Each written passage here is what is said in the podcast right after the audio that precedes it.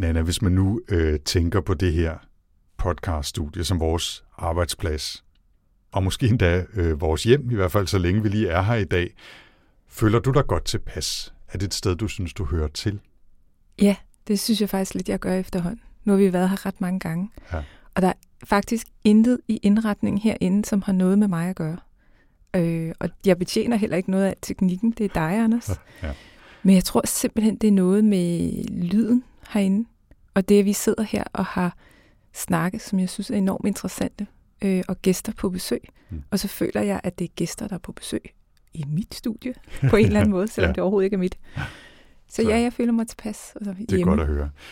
Nu er det jo lidt et specielt sted, det her, ikke? fordi i modsætning til de fleste kontorer i dag, så kan vi faktisk låse døren, og så er det ligesom vores eget rum, ja. Ja. i hvert fald så længe som vi er her, og vi kan oven i købet tænde for en rød lampe udenfor, Det er så, så fedt. folk øh, er stille, eller de holder sig væk, eller begge dele, og vi kan være fokuseret på lige præcis det her med at være i studiet med hinanden, og måske have en øh, gæst ja. på Ja. besøg. Jeg kunne faktisk godt tænke mig sådan en lampe på mit eget kontor. Måske endda også lidt derhjemme. Ja, ikke? sådan en gå væk lampe. Ja, præcis, ja.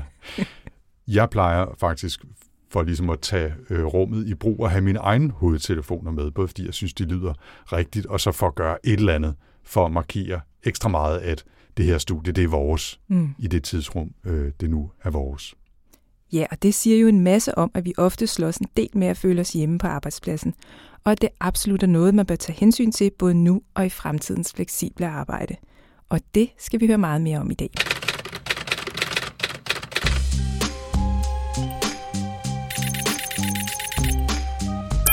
Velkommen til Workflow, en podcast om fremtidens arbejdsliv. Workflow ser nærmere på alt det, som former vores arbejde, fra diversitet, hjemmearbejde og kalenderstyring til seniorpolitik, åbne lønrammer og meget mere. Podcasten udkommer hver 14. dag og udgives af IDA, Danmarks fagforening med fokus på teknologi og viden.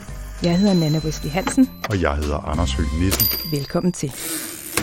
I dette afsnit skal vi se nærmere på indretningen af fremtidens kontor. Hybriditet er nok den trend, der tales mest om i forhold til fremtidens kontorarbejdsplads. Den fysiske indretning skal i dag tage højde for, at flere og flere vil arbejde hjemmefra oftere, mens andre er til stede på kontoret. Så hvad bliver kontorets funktion egentlig fremadrettet? Er det stedet, hvor man holder fortrolige møder om svære emner, hvor man har brug for at ses ansigt til ansigt?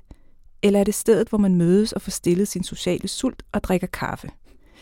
Og man kan også spørge, om arbejdsgiverne overhovedet vil stille kontorer til rådighed for alle medarbejdere, hvis langt de fleste vil arbejde en stor del af tiden hjemmefra eller på langdistance. Flere store tech-virksomheder har faktisk også allerede annonceret, at de vil begrænse deres kontorarbejdspladser. Men mange vidensarbejdere sidder jo egentlig på ganske almindelige kontorer, hvor computer og skrivebord og kontorstole er det traditionelle gods. Øh, Da Dolly Parton i 1980 udgav hittet 9 to 5, der sad sekretærerne jo et stormslandskab med skrivemaskiner, og så tronede chefen i sit enmandskontor. I dag så er det jo øh, computer og PC'er, og øh, i hvert fald nogle steder har man så erkendt, at der også skal være plads til fortrolige samtaler, koncentrationszoner, selvudvikling og kaffeområder og alt det andet. Men i det store hele, så ligner kontoret jo ret meget sig selv. Hvis der er sket en udvikling, så er det måske i retning af endnu flere åbne kontorlandskaber og en mere eller mindre langvarig fløjt med den her idé om touchdown-pladser til hurtige møder og opgaver og løst tilknyttet på arbejdspladsen.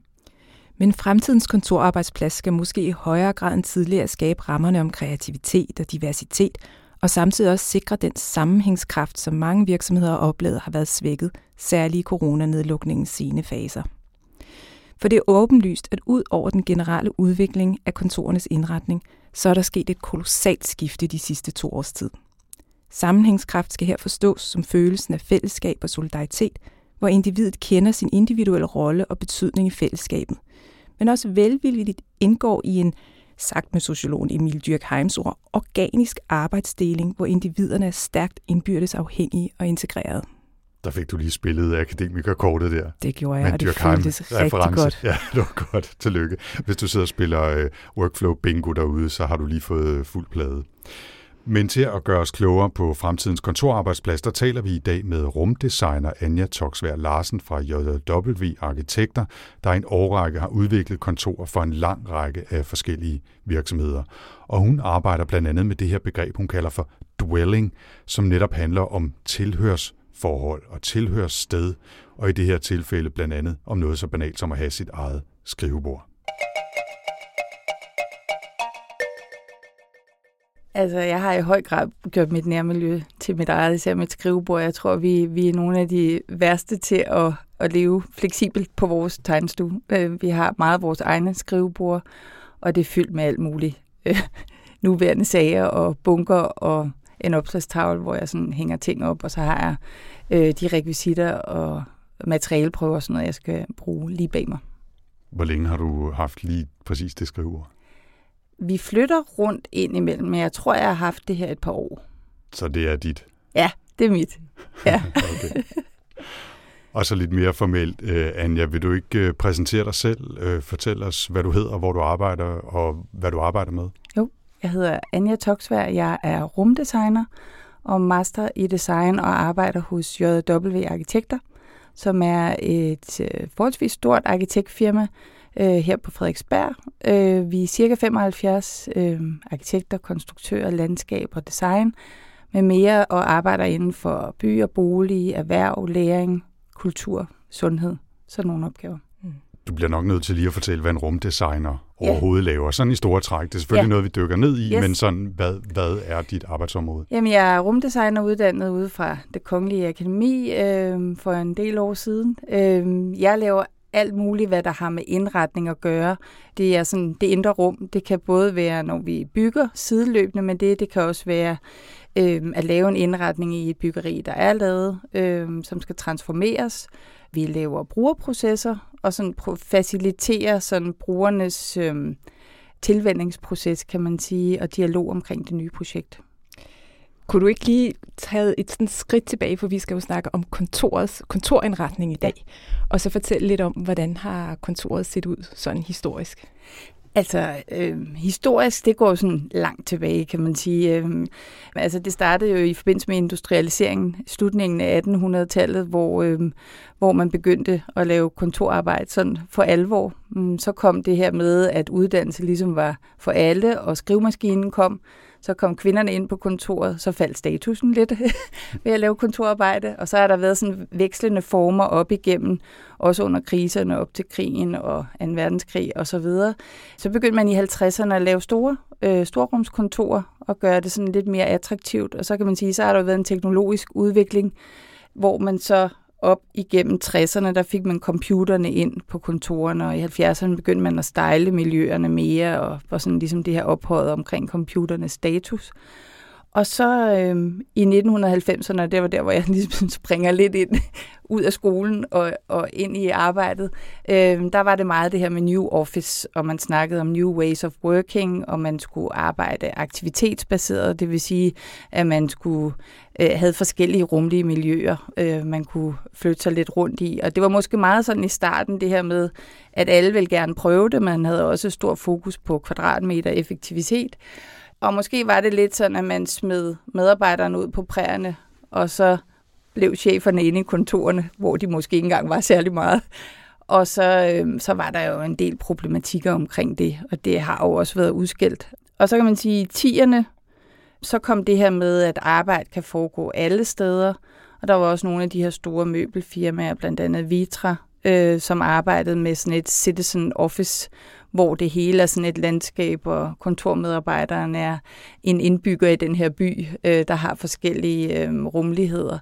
Og det var der blandt andet, jeg begyndte også at, at tage den master, jeg også tog, og kigge nærmere på, på arbejdspladsen og vores tilknytning til det. Ikke? Fordi hvis arbejde kan foregå alle steder, hvad er det så lige, der knytter os til selve arbejdspladsen? Og en af de begreber, du så også arbejder med, det er det her dwelling. Kan ja. du ikke prøve at fortælle lidt mere om, hvad det betyder? Ja, dwelling øh, var noget, jeg ligesom øh, brugte, da jeg skulle skrive min masterafhandling. Øh, dwelling øh, knytter sig til det her tilstedeværende i forhold til at bo. Altså, det knytter sig sådan til det fysiske, øh, hvor vi bor, hvilke territorier vi indtager, det sociale, hvem vi bor sammen med og ved siden af, øh, og det materielle, hvad for nogle ting vi omgiver os med. Og da jeg så skulle kigge lidt nærmere på det i, i sådan et øh, øh, masterforløb, så var jeg meget optaget af at øh, se på, hvordan det er, vi bruger vores arbejdsbase og vores arbejdsbord. Fordi og det har selvfølgelig udviklet sig lidt siden, nu var det her i, i 2013, jeg skrev det. Men det her med, at, at det er sådan et stærkt ønske for mange, at man vil have sit eget arbejdsbord. Øhm, og så kunne jeg se i mange af de projekter, vi lavede, at øh, vi lavede alle mulige faciliteter, og medmindre det var sådan specialiserede afdelinger, så var der rigtig mange tomme beigefarvede linoleumspræger. øhm, og det synes jeg egentlig var synd i forhold til, det er jo store investeringer, men jeg blev nysgerrig på, hvad er det, der kan ligge bag ved det her ønske om sit eget arbejdsbord, hvis man måske ikke er der alligevel. Altså, er der nogle af de ting, man kan tage og oversætte til noget andet? Altså ikke bare spare det væk, men hvad, hvad ligger der egentlig i ønsket om at høre til, og hvad symboliserer det her ønske, mm. hvis man ikke bruger det, men synes, det er så vigtigt. Ja. Men hvorfor er det vigtigt? Altså i forhold til det, du har fundet ud af at arbejde med, at vi har vores eget skrivebord, eller føler, at vi har det? Altså, øh, jeg kiggede så på det i forhold til det her med, at øh, jeg skulle selvfølgelig have det faglige element med, fordi nu var det arbejde og ikke det her at bo. Øhm, og så undersøgte jeg ved interviewmetode selvfølgelig kontormennesker, men også dem, som ikke har deres eget arbejdsbord. Så jeg var på øh, interviewet øh, to gardner i en bus, og en skuespiller, og min frisør, og en butiksindehaver, og en kostumier, og sådan nogle mennesker for at prøve at se, hvordan taler de om det. Og i starten forstod de jo ikke nødvendigvis, hvorfor de skulle være med i sådan en opgave. Fordi de ikke men, har noget skrivebord. Fordi de ikke har noget skrivebord.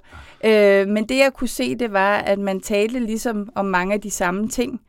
De havde alle sammen, selvom de ikke havde et arbejdsbord, et, et øh, yndlingssted i garderoben, eller i salongen, eller der var mange sammenfaldende ting øh, omkring det her.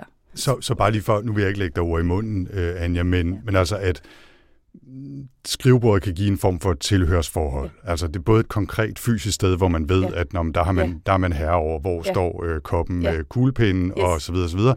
Men det giver også en fornemmelse af hvad kan man sige, identitet og tilhørsforhold ja. i forhold til firmaet. Og selv for dem, som du talte med, frisøren og så videre, som ikke ja. havde et skrivebord, så havde de nogle arbejdsredskaber, eller de havde et yndlingssted, ja. som for dem fungerede som ja. et et skrivebord i den her metafor, ja. øh, altså i forhold til, til tilhørsforhold. Så det, det er en af grundene til, det er vigtigt. Men for lige at vende tilbage til, til det, du sagde om, at du tit så var ude at se altså store åbne kontorlandskaber med masser af skrivebord, der stod tomme. Ja. Altså, Hvorfor gør det så det, hvis folk synes, det er så vigtigt at have ja. et skrivebord? Det er vel lidt mærkeligt. Altså jeg tror, at det er vigtigt, at man har et sted at høre til. Og det er også derfor, at, øh, at man kan sige sådan lidt nogle af de øh, indretninger og projekter, der er kørt siden og også kører nu, så, så, så har man mindre områder, hvor øh, man tilknytter et, et mindre antal medarbejdere. Det kan være 20, 30, 40, 50. Og så har man et område, hvor man ved, at inden for det område er der noget socialt, der er noget fordybelse, fordybelse, der er mange forskellige ting, men det er ikke fyldt op af tomme skrivebord, fordi man flytter sig rundt.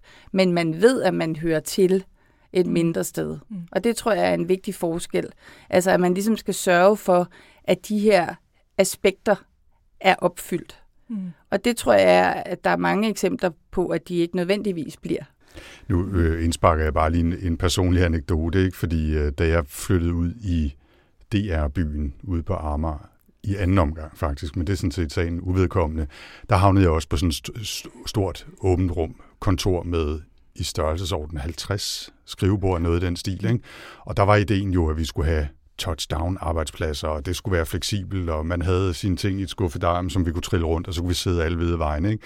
Og der gik jo lige præcis fire sekunder, før alle bare satte sig ved det samme skrivebord hver eneste dag, og øh, ikke, altså, lod ting stå, så man kunne se, at det her skrivebord bliver brugt osv. Og, ikke?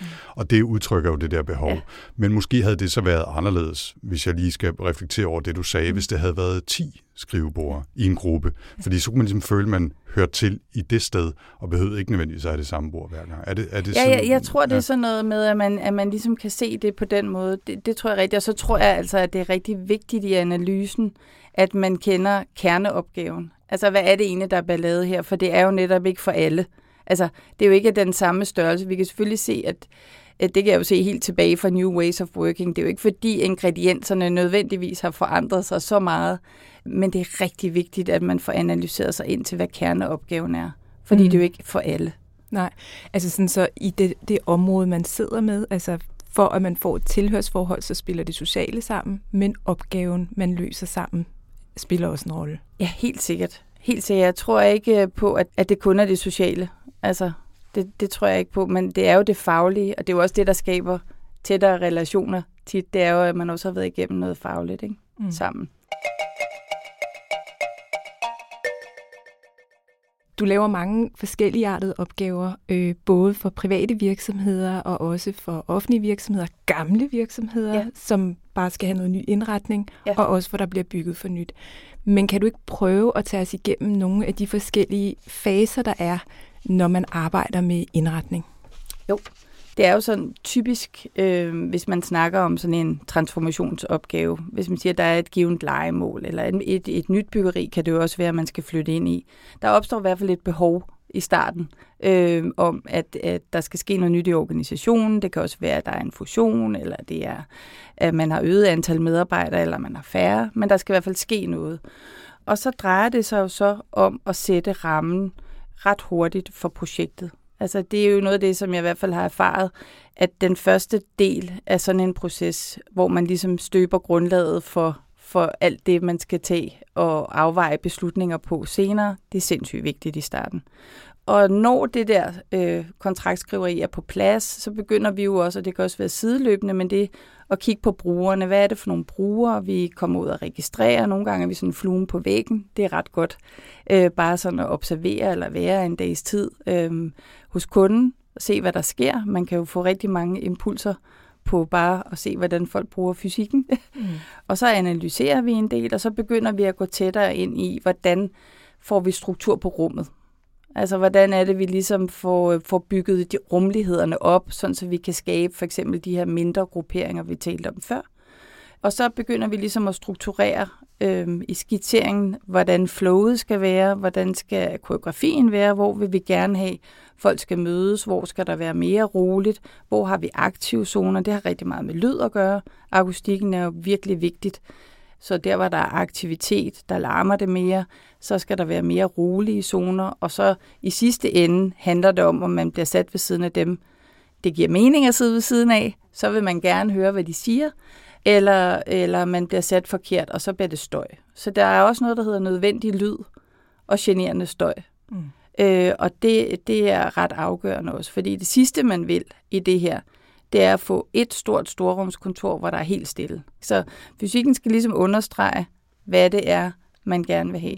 Kan du give et eksempel, altså uden at nævne organisationen noget, men bare prøv at give et eksempel på noget, I forandret rumligt? Altså det gør vi rigtig meget. Altså vi har for nylig flyttet folk fra en gammel bygning i kontor ind til en, en, øh, et nyt stort rum, hvor vi har prøvet at skabe lommer. Og det har jo været en stor forandring på den måde. Det, der sker, det er jo, at man, at man pludselig, det er i hvert fald hensigten, at man kan komme til at tale med sine kollegaer hen over bordet, eller på en mere uformel måde, hvor man tidligere ville have været inde i en møderække for eksempel. Ja. Det er jo noget af det, som folk opdager meget. Eller de kan, når der bliver skabt flere åbne steder, eller et centralt mødested, som kantinen bliver sådan et heldags mødested med den gode kaffe, mm-hmm. selvfølgelig, den kan trække ligesom alle, alle ned til vandhullet. Så kan man også få afklaret nogle ting, som man ellers ville have, have taget. Så det er nogle af de der sådan lidt mere lavt hængende frugter, man kan få folk til at mødes mm. på den måde. Ikke? Ja. Ja. Nu har du fysisk omstruktureret et rum, og hvad sker der så? Lidt omkring det tidspunkt i fasen, så holder vi normalt øh, sådan nogle øh, workshops forløb øh, med brugerne, hvor vi både sådan introducerer til det projekt, der er på vej, og hvor vi også begynder at lave øvelser og tale om, hvad kan man egentlig bruge den her planløsning til?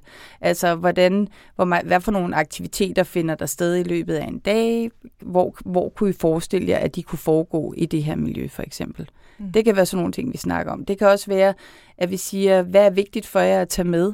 Og det kan jo både være vaner, det kan også være artefakter eller noget andet, som betyder noget og skaber identitet. Og hvad synes I ikke skal med? Og så have nogle gode diskussioner omkring det. Altså det allerbedste, synes jeg jo, det er, når brugerne diskuterer med hinanden. De skal udveksle erfaringer, og så skal vi læne os tilbage og tage nogle notater mm. og prøve at se, om vi kan få det øh, øh, understøttet i det, vi gør øh, i indretning. Mm. Det er nogle fede tidspunkter. Og så øh, går vi selvfølgelig ind i en fase, hvor det begynder at blive konstrueret, og ja. det bliver øh, rullet ud og, indrettet, og alting bliver sat op på væggene, og skrivebordene bliver øh, taget i brug osv. Og så synes jeg, det er ret sjovt, at når man kigger på din fine øh, cirkulære øh, model her, så er der også en, en øh, periode sådan hen imod slutningen, som hedder frys. Ja. Hvad går det ud på? Ja, men vi kalder det frys, altså fordi det er ligesom noget, alle lige stusser over, eller kan forstå, der er noget, der ligesom stopper. Og det er det her med, at man flytter ind i et nyt hus, og så skal man prøve nogle nye vaner af. Og man tager jo sine gamle vaner med, og dem har man nogle gange lyst til at få proppet ind i det her nye lige med det samme.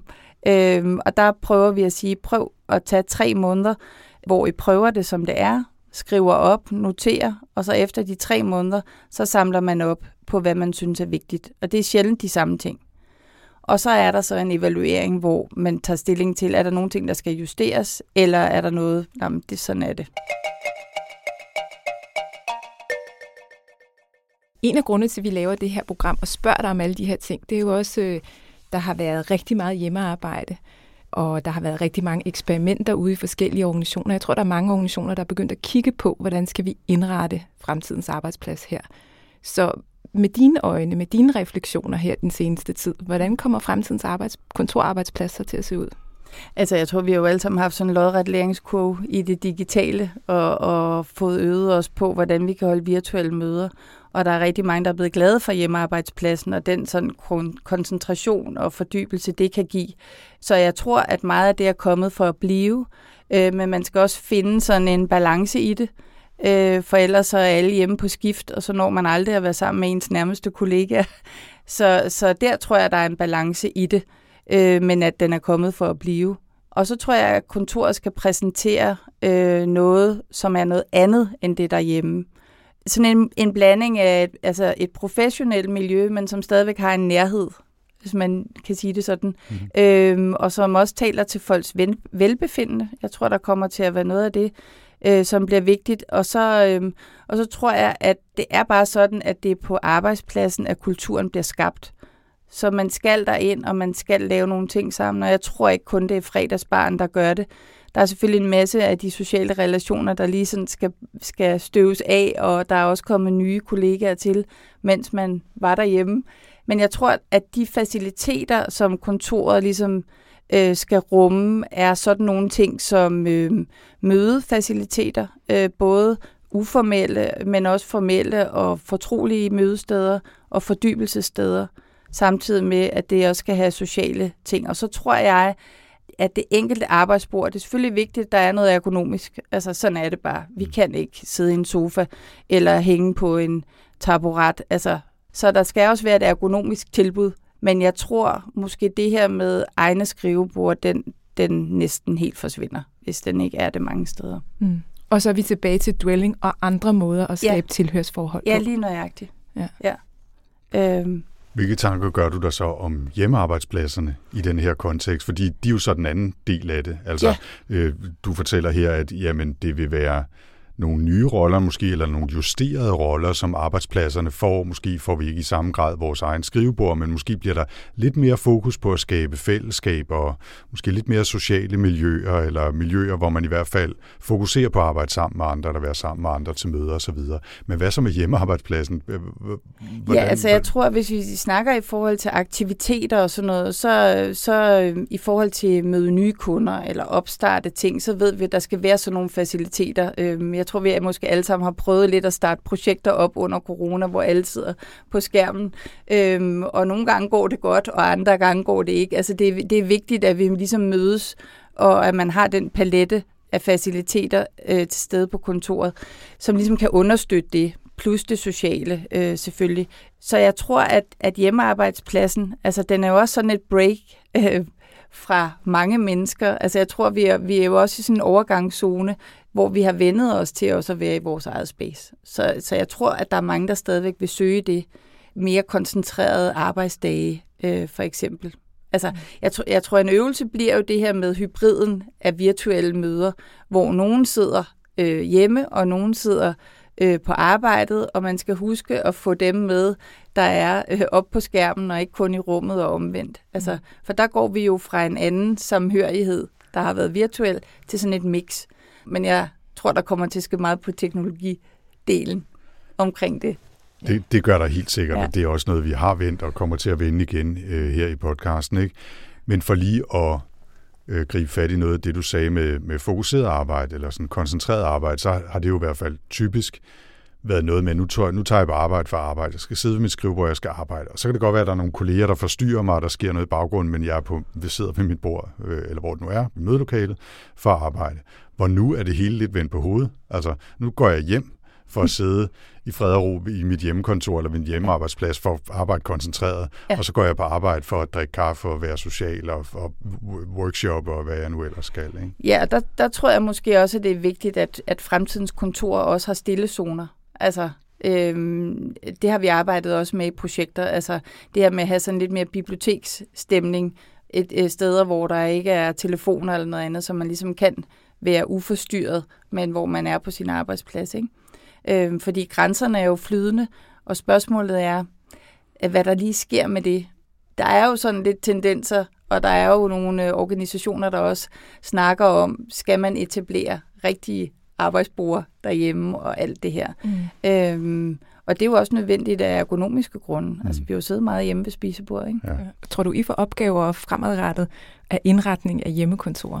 Det, det tror jeg egentlig ikke er utænkeligt. Det kunne jo godt være, der er jo masser af store organisationer og firmaer, som vil have det som en del af paletten, så jeg kan forestille mig, at hvis man indretter selve kontoradressen, så har man måske også en lille pakke, der handler om øh, hjemmekontorpakken.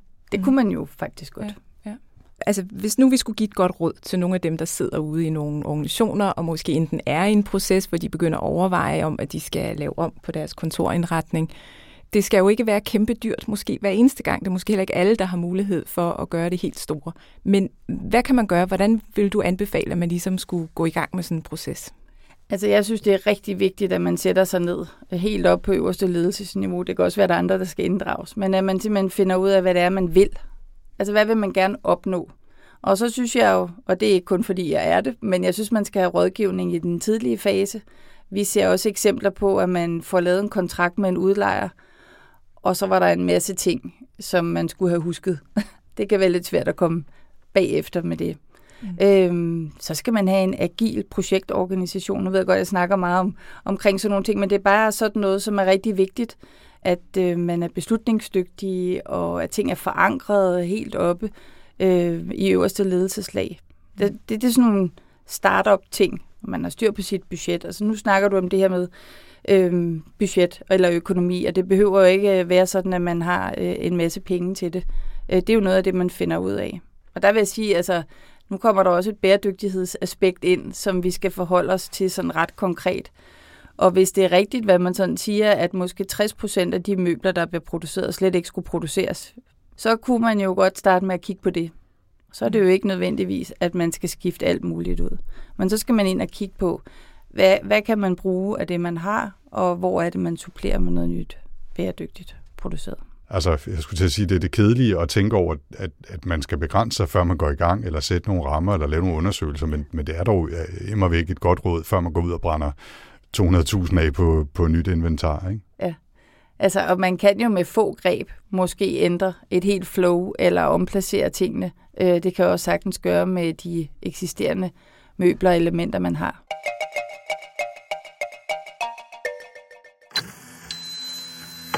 Ja, således fortalte altså rumdesigner Anja Toksvær Larsen for JJW Arkitekter.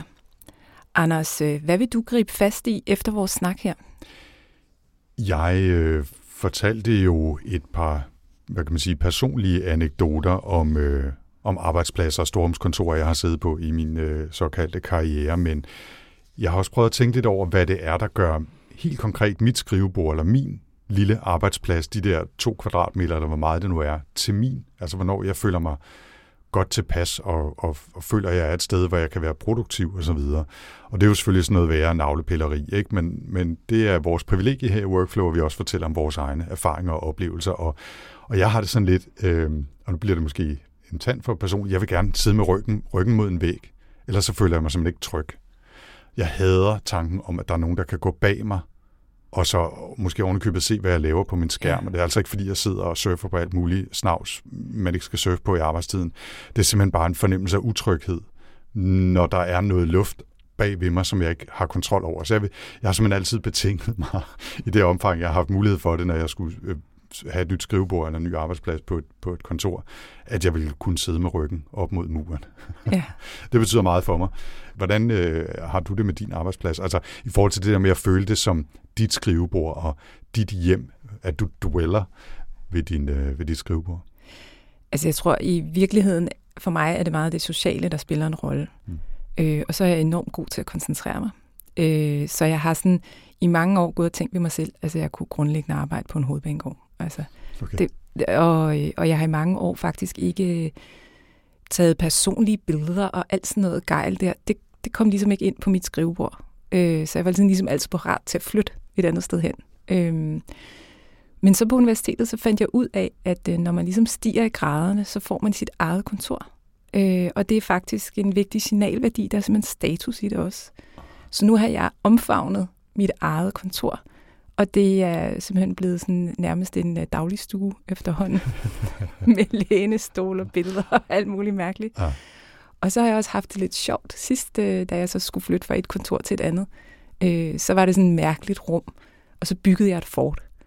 Og det var simpelthen så sjovt at gøre. Hvordan byggede du et fort? Jamen, jeg byggede i den, i den ene side, fordi det, altså det, det blev så disharmonisk, men så blev det sådan ligesom en leg at tage mine reoler og stable dem op på sådan en måde, og sætte mit skrivebord på sådan en måde, så det ligesom blev sådan det ultimative fort, hvor man ligesom ikke rigtig altså, jeg ved godt, det lyder lidt fjollet. Nej, men, nej, jeg, synes, jeg vil sige, jeg har også brugt lidt ned på det siden, så det, og, og der er også lænestole, og folk kan komme ind og sidde i dem og sådan noget, ikke? Men, men jeg havde simpelthen, jeg kan bare huske, jeg synes, det var vildt sjovt at bygge det der fort.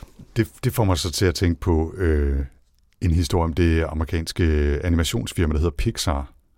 De laver de her film, som mange sikkert kender, ikke? altså A Box Life og Toy Story og Wall-E og Up og alle de her fantastiske klassikere. Og øh, de har hovedkvarter et eller andet sted over i Kalifornien, og da det blev bygget, som i øvrigt uh, særlig Steve Jobs fra Apple var med til at designe, der øh, havde han også nogle helt øh, stramme tanker om, hvordan den her bygning skulle indrettes for at mm. øge kreativiteten. Og øh, en af tingene var, at han syntes, at der kun skulle være et toilet i hele bygningen, fordi så mødtes alle der, når, når de skulle ned og tisse. Det blev så heldigvis ikke til noget. Men, men det, der egentlig øh, fik mig til at tænke på, det var, at i hvert fald før i tiden var det sådan, at alle dem, der havde deres eget, eget kontor, de fik simpelthen budget til at indrette det fuldstændig efter eget hoved. Så der er både altså Hawaii-landsbyer og westernbyer og øh, oceantema og tegnefilmstema og helt stramme, rene nordisk design, lystræ og stål-tema og alt muligt. Ikke? Folk er fuldstændig indrettet som og sikkert også med Ford og ja, øh, altså alt muligt. Ikke? Og det synes jeg jo er fantastisk.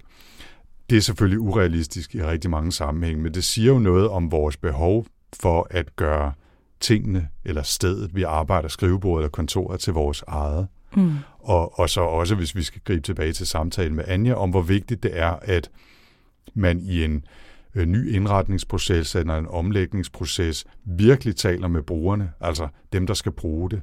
Ja. Og, og for at finde ud af, hvordan vil de gerne have det indrettet, og så det, kan de sikkert ikke tage hensyn til alle ønsker, sådan er det jo altid, men så har man i hvert fald indsamlet input, ikke? Mm. og det synes jeg er, er interessant.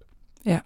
Og så synes jeg også faktisk, hvis jeg må bringe endnu en ting på banen, som jeg synes var sjov, så nævnte Anja i den her proces med øh, kortlægning af rammerne, kortlægning af workflows, og øh, hvordan skal vi indrette det her øh, i forhold til arbejdsflow, og hvor bevæger folk sig hen, og hvor skal der være møder, hvor skal der være skrivebord, og hvad for nogle øh, kunstværker skal der på væggen og alt muligt andet. Er der så også den her proces, når man har gjort det, hvor man siger, at i tre måneder, så skal I bruge det, så må I ikke lave noget om. Fordi I, I må, altså, hvis I indtager det her nye rum med jeres gamle vaner, så laver I om på alting igen, så det passer til jeres gamle vaner. Men ideen er faktisk lidt, at vi også skaber mulighed for nogle nye vaner. Mm. Så I er nødt til at give det tre måneders chance, før vi så tager stilling til, om der er noget, der alligevel skal flyttes om, som ikke øh, fungerer, som vi ønskede. Og det tror jeg er super vigtigt. Noget af det sværeste at være i, garanteret som medarbejder, og det synes jeg også selv, jeg har oplevet, at når man har bare lyst til at vende tilbage til sådan, som det var før, fordi så, så ved jeg, hvor alting er, og jeg kan arbejde. Ikke? Ja. Hvor man skal give det en chance. Det skal man simpelthen i en, to, tre måneder. Og så kan det være, hvis alle er utilfredse og hellere vil tilbage til det gamle, at man skal tage stilling til det. Men mit gæt er, at de fleste, eller rigtig mange, nok vil have fundet nye måder at arbejde mm. på, som, som formodentlig, eller forhåbentlig i hvert fald, øh, faciliterer øh, den nye proces bedre. Ikke? Ja, helt sikkert. Jeg synes også, altså på en eller anden måde, nu snakker vi også lidt om hjemmearbejde, og hvad det ligesom gør ved arbejdspladserne. Og jeg synes, der er sådan to meget modsatrettede tendenser i øjeblikket. På den ene side nogle virksomheder, der ligesom drager den lære af corona, at, øh, at nu kan man bare arbejde hvor som helst. Øh, og kontoret, det kan egentlig bare sådan måske mere eller mindre spares væk. Og for mig i hvert fald, at det er sådan lidt endnu et skud på stammen i forhold til de her forestillinger om den her meget kosmopolitiske, globaliserede øh, verden, som jo lige nu er ret truet, kan man sige, med hele Ukraine-situationen. Ja, ja, men, men, men hvor hvor, man, hvor arbejdskraften, og det er måske især den her vidensintensive arbejdskraft, er fuldt villige til at arbejde online, hvorfra det skal være. Og hvor det jo mange virksomheder jo godt ved allerede på forhånd, at det faktisk er billigere og nemmere at øh, lade opgaven flytte, end det er at lade medarbejderne flytte. Fordi så skal man ikke ligesom forholde sig til at integrere medarbejderne på en ny arbejdsplads, og forholde sig til deres familier, og hvordan de nu skal klare sig i det nye land osv., og, og internationale skoler til børnene og alt det der. Ikke? Mm. Og det kan godt være, at, at det er vejen, det går efter det her med hjemmearbejde, at vi bliver endnu mere sådan afkoblet fra arbejdspladsen. Men på den anden side, så synes der også at være en anden lærer, mm-hmm. altså virksomhedsledere som, og virksomheder og organisationer, som drager den lærer, at nu må man virkelig lægge sig i selen for at skabe arbejdspladser, hvor medarbejderne faktisk gider at være. Og det handler om det her med sammenhængskraften i virksomheden, at man har oplevet det der med, at alle folk arbejdede hjemmefra. Det gjorde også noget ved det sociale, det gjorde noget ved tilliden, det gjorde noget ved vores evne til at idégenerere og arbejde sammen. Øh, og derfor så skal man ja, lave arbejdspladser, som øh, underbygger tillid og samarbejde og godt arbejdsmiljø, og ikke mindst identitet øh, og tilhørsforhold. Mm. Det hænger også sammen, tror jeg, med det her med dwelling, øh, og som jo er altså et bosted, ikke? et tilhørsforhold. Og det er jo, at arbejdspladsen er på en eller anden måde identitetsskabende øh, for os. Noget, som vi ligesom kan stå inde for. Øh, altså jeg har også alt det her med, man vil gerne være en del af en bæredygtig virksomhed. Man vil gerne være en del af et godt brand. Der er rekrutteringsmuligheder i det, der er fastholdelse, og der er loyalitet. Altså det her om, at man går en ekstra mil, og at man vil dele sin kreativitet og viden med virksomheden. Ikke? Mm. Og hvordan får man skabt det? Det hænger lidt sammen med det her med arbejdspladsen, ja. det tror jeg. Men sjovt, og selvfølgelig også udfordrende, at der er de to modsatrettede tendenser. Ikke? Vi vil mm. både gerne være en distribueret, nærmest virtuel arbejdsplads, og udnytte mulighederne i det, og også samtidig have et, et fælles rum og et fælles sted til virksomhedskultur, identitet og sociale aktiviteter osv. Og det er lidt svært at få, få de der to modsatrettede tendenser til at, at hænge sammen, uden at bukserne revner. Ikke? Jo. Og ja, det er så jeres udfordring derude. Ja, ja, der lytter med lige ja. Og så er der ikke mere i denne workflow. Men vi vender tilbage igen altså om 14 dage med et nyt fokus på fremtidens arbejdsliv, og næste gang kommer det til at handle om brugen af AI, kunstig intelligens og mere eller mindre avancerede algoritmer i ansættelsesprocessen, og det glæder jeg mig rigtig meget til at dykke ned i. Hvis du vil vide mere om podcasten, kan du besøge vores hjemmeside på ida.dk-workflow, og hvis du vil skrive til os med kommentarer, idéer til emner og gæster eller andet input, så kan du skrive til os på Twitter med hashtagget WorkflowIda, eller kontakte os via Idas hjemmeside. Workflow bliver produceret af Podlab og udgives af IDA, Danmarks fagforening for digitale, naturvidenskabelige og ingeniører. Jeg hedder Anders Høgh Nissen. Og jeg hedder Nana Wesley Hansen. Tak for denne gang.